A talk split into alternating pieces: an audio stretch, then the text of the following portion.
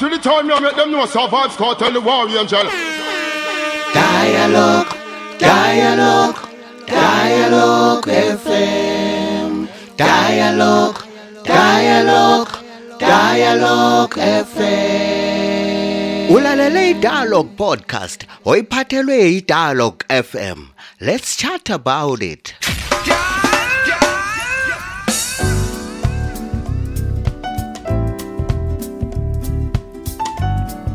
Njengoba njengoba ungabe utshona njani khona lapho lapho ngabuslayela ukhona? Ungabe usenzani kwenzakalani ke khona ngapha izulu liyana yini? Bathina abantu ke athina amahongahonga we-covid-19 kungasenani ke dialogue podcast.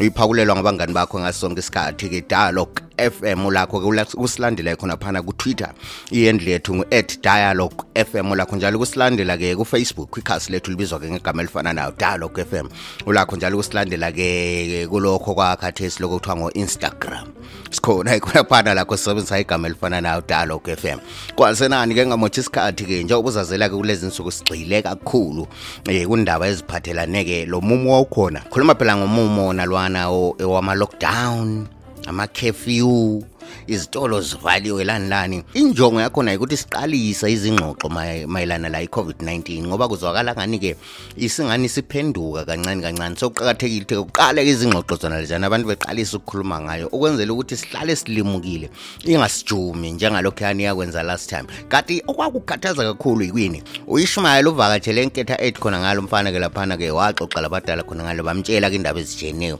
Kodwa kuphume phambili indaba umumo wokudla. Ukuthi abantu ke ukudla kwakushoda izitolo ngoba zazivaliwe during lockdown laphana si-experience lokhuyana mdala lokhuyana ukuthi ama-price ebesekhwela because izinto besezishoda besezidura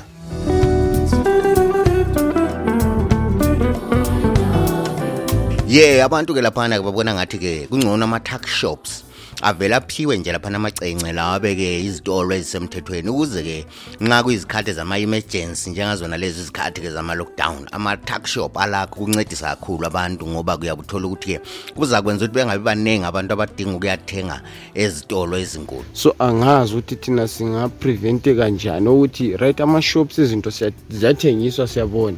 Kodwa but akube lalokhu okuncane ongamashop lokuthi ezindlini. Yabona kulanto ababhustayo ezindlini laphana ukuthi siyakwanisa ukuthenga eduze.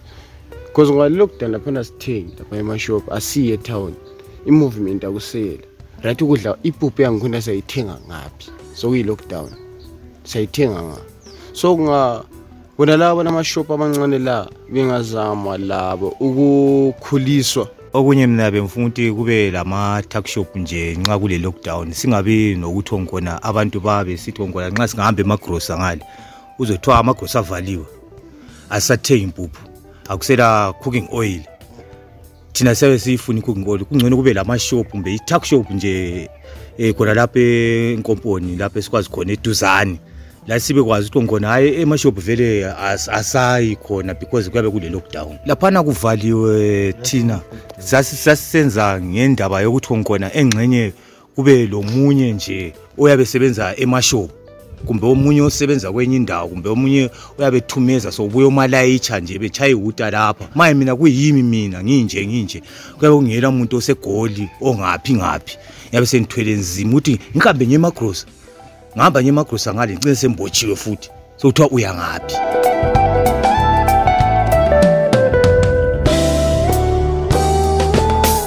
sikhobela phambili ngohlelo lwakho uhlelo liphakalelwa-ke idialogue f m. Kwasenani mina-ke igama lami-ke ungakhohlwa ngingaso sonke isikhathi.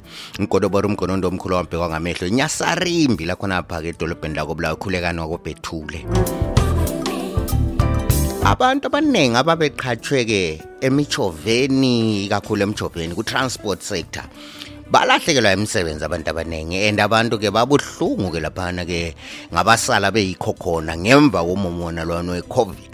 Yabona i-transport sector sase sihamba ngenyawo ngafika edorobheni kobulawayo ngabuya ngenyawo de kuvaliwe bevala ngabomu ababusayo. Bavalela imoto zethu ukuthi zingasanjani singasazigadi kuthiwa zivunyiwe uzubukho um wayekhona sibili kodwa 4 hours lokhu layinini. Lockdown mdala sibulalela umsebenzi. Abanye kade samakhombi baxotsha njengamawindi lawa labodriver baye nga? Somele uhlale endlini uyathatha ngapho ukudla kwangikhona le mali yabantwana besikolo uyayithatha nga bafunda bafuna ukudla bafuna ukwenzani? Nxa uyi-lockdown usungena endlini kade sithiwa ungaphumi umsebenzi evalile thina besisebenza emamayini.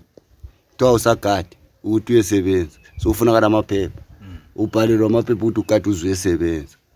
Nxa siphume emsebenzini abantu emamayini bebesithayimela phandle ukuthi nxa ungala maphepha awuye endlini suboyo esiwindini yavela watsho wavaleka ngoba amakhompyutha apakanini ezindini uchova ubani uzuko laba abantu bonke abachova ngalala uyawusulahlelwe umsebenzi awusasebenzi njalo uzupho wena Ungangena etown wayengabenefit njalo uzupho wena ngokwakhe vele wayengakwanisi ukuthi vele ethwale bonke abantu.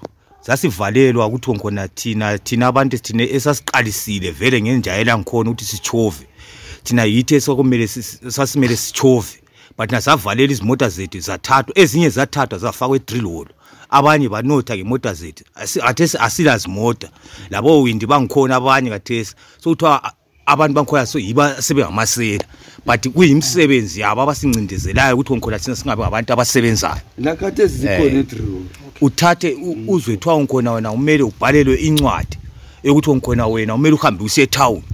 Wena uzo incwadi yangikhona uye uzabe uzoyithatha njani? Incwadi yangikhona. Uyabubhalisa komunye umuntu. Omunye umuntu yena lo uzanika isihlobo sakhe izincwadi.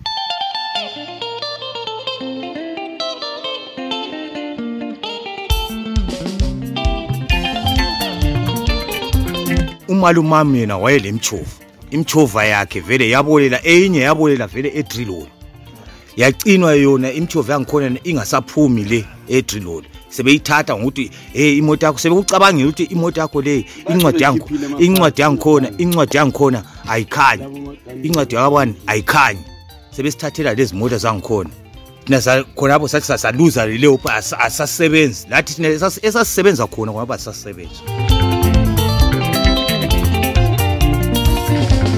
hayi ukujoyina uzupho uzupho wawusithi nxa ungamjoyina uzupho wena wawuthelelwa ifuel. Wena ngokwakho uthelelwe imoto yakho uthelelwe ifuel. Imoto yangikhona wena wena ngokwakho nguwe wena ozilungiselayo imota. Wena wawungakhona ukuthi ngikhona ulungise yilokhuzeni imota yakho.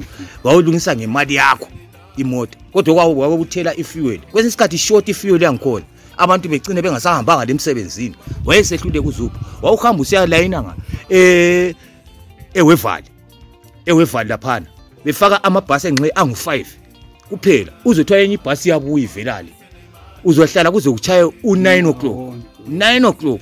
Wena utshayise ngesikhathi bani? Utshayise ngo-3 ngoba abantu abaningi vele basebequma ngezinyawo.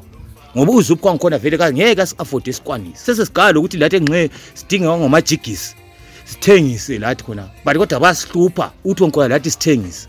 Bafunakala izincwadi. Incwadi yakhona ungahamba etower block bawutshela ukuthi yimali engaka wena awulayo le mali yangikhona uzama ukuthi uyenze isitati sokuthi lawo imuli yakho lawo zisuthe endlini but awuyitholi le ncwadi yangikhona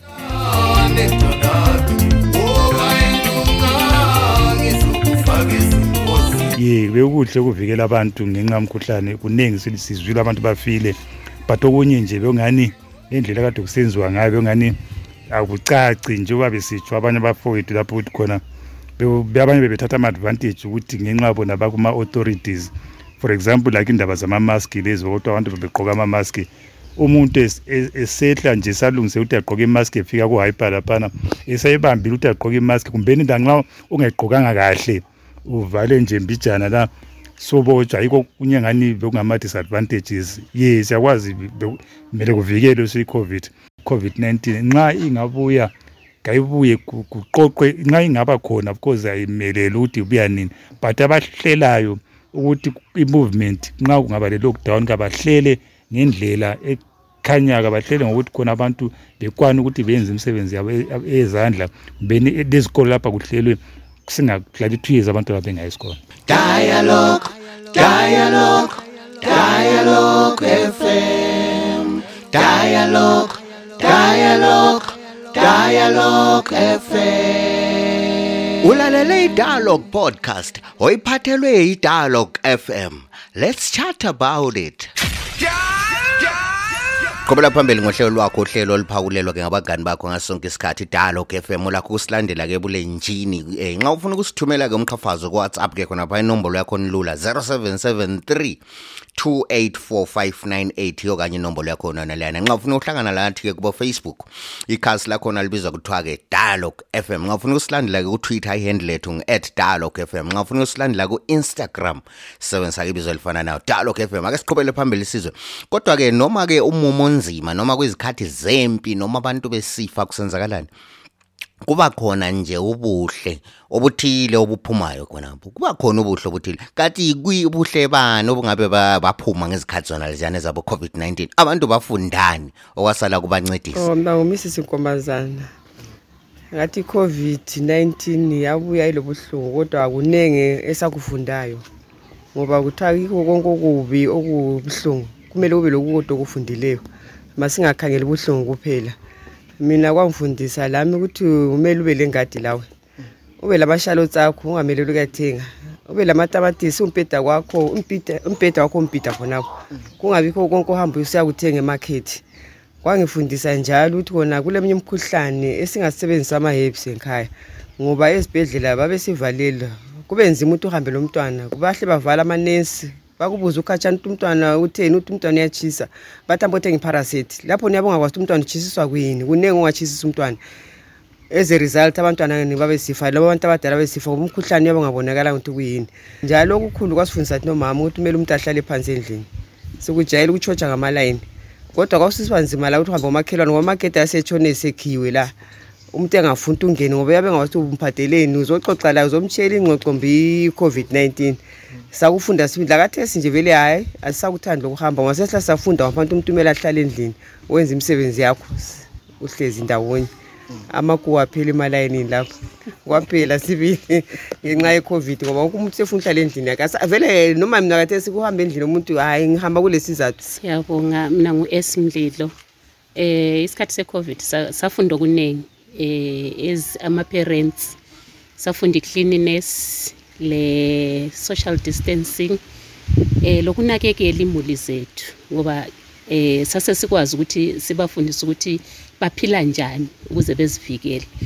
Ngoba asithi ngaba behambe esikolweni and so forth babezobuya lemkhuhlane eminingi but besendlini base bekwazi ukuthi eh after doing such kufanele benzeni. And lokudla sase sikwazi ukudla ukudla oku okungayisikho junk food ngoba sase sipheka. Eh se- njengoba umama echile ukuthi sase silima sile ngadi zethu lezinto ezinjalo. Sase sipheka ukudla okuhealth okukuthi eh izifo eziningi eh zase singasasinamatheli ngenxa yokuthi sase se-alert and sesisenza eh khonokho kuthiwo yi-health and safunda futhi le-internet ukuthi ezinye izinto eh uzigoogle ku-internet uzibone ukuthi masokula lokhu what do i do? So safunda okuningi safunda kakhulu eh lokuzenzela ukuba independent. Nje ngalokho ke sesifike konqengetshe ke ku-podcast yakho yanamhlanje i-podcast ephakulelwa idialogue FM njengoba la uzizwela khona phakane ke abantu beke bekhuluma ke ama-experiences abo nge-lockdown yona leyani iyadlulayo yakuqala. Kodwa siyathandaza siyakhuleka laphana ke ukuthi ke ingaphindi iphenduke laphana ke imumo leyani yabo lockdown noma sizwa nje kuthiwa ke eh igciwane leli sekungathi ke lihlukumeza abantu ke khona ngale ke emazweni aphecheya kodwa sikhulekele ukuthi ke lingasihlukumezi njengalast time. Kusukisela kimi ke laphana umgonondo wakobulawayo ngithi hayi ke kwanamhlanje kwanele. Nxa ufuna ukusilandela thumela kumqhafazo wakho ku-0773 284 598 WhatsApp message rubani thumele i-voice note eclear. Usitshele ke ngiyakho i-situation. Ukuthi ke laphana ke eh ngezikhathi zona lezani ze-covid iwaphi ama-experiences wena waba lawo kusukisela kimi ke ngithi asibuye sihlangane ku-podcast elandelayo kwanamhlanje usale kamncwa